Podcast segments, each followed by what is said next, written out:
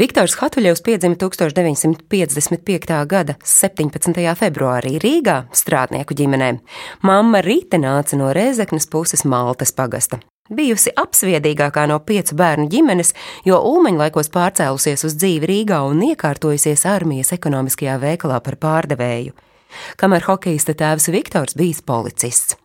Kad ģimenē pieteicās dēls, Rītai tolaik bijuši 38 gadi, un par dēlu ārsti sacīja, tas ir vēlais bērns. Vienīgo bērnu ģimenē gan lutināja, gan audzināja ļoti stingrā katoļu garā. Zēna fiziskie dotumi vienmēr par galvastiesu garāks un plecīgāks padarīja viņu par neformālu līderi. Mācībās nepārāk veiksmīgs, ar apmierinošu uzvedību, bet kā uzburts uz hokeju. Tiklīdz tuvējais grāvis pārplūda un aizsala, viņš daudzīs ripu uz ledus no tumsas līdz tumsai ar tēva garāžā uzmeistarotām nūjām. To redzot, mamma Rita 1966. gadā, kad peļķis vēl nebija aizsalušas, aizveda dēlu uz Daugavas stadiona mākslīgā ledus slidotavu. Treneris Jānis Kupčs puiku iemetis pie gadu un divus vecākiem zēniem. Hokejam Viktors Hatuļevs briedis palēnām. Kā atceras treneris, vienmēr izpildījis prasīto, nav brūķējis muti un nekad nav apšaubījis treneru norādījumus. Pusauģu gados kļuva skaidrs, ka Hatuļeva vieta ir hokejā. Viņš bija izteikts sava vecuma grupas līderis uzbrukumā. Viņu aicināja arī pie gadu un divus vecākiem jauniešiem.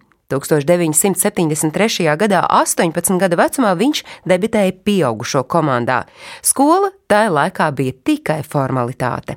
Tā gada vasarā hokeistu izsauca uz PSRS junioru izlases treniņu nometni. No tās atgriezies sportists nokļuva Dienāmo rindās. Rīgas Dienāmo bija pirmā komanda Padomju Savienībā, kas par valūtu ārzemēs pirka hokeja formas un pirmie spēlēja ar somu nūjām. Te Hatuļevs izauga par spēcīgu un vienu no fiziski stiprākajiem hokeistiem visā Padomju Savienībā. Kad kopā ar PSRS junioru izlasi Hatuļevs nonāca turnīrā Kanādā, viņi noskatīja kāds no aizokeāna hokeja izlūkiem, kuru uzrunāja 98 kg smagais un 1,89 cm garais hokeists, kurš uz Ziemeļamerikas ledus laukumiem ar savu ātrumu, spēku un meistarību bija tieši tas, kas bija vajadzīgs. Tāpēc 1975. gada vasarā, kad Monreālā notika NHL jauno spēlētāju izvēle, pirmo reizi līgas sarakstos parādījās hokeists no Padomju Savienības. Uz Hatuļevu aci bija uzlicis Filadelfijas Flyers, klubs, kurš togad jau otro reizi pēc kārtas bija ieguvis Stanley kausu, un tāds hokeists kā Hatuļevs tur būtu iederējies perfekti, ja vien viņš tur būtu nonācis. Dabūt hokeistus no PSRS tolaik līdzinājās zinātniskai fantastikai, tik ļoti padomju pilsoņus sargāja no saskares ar kapitālismu. Līdz 1981. gadam Hatuļevs spēlēja Rīgas dīnāmo, taču izcēlās ar nedisciplinētību un alkohola lietošanu.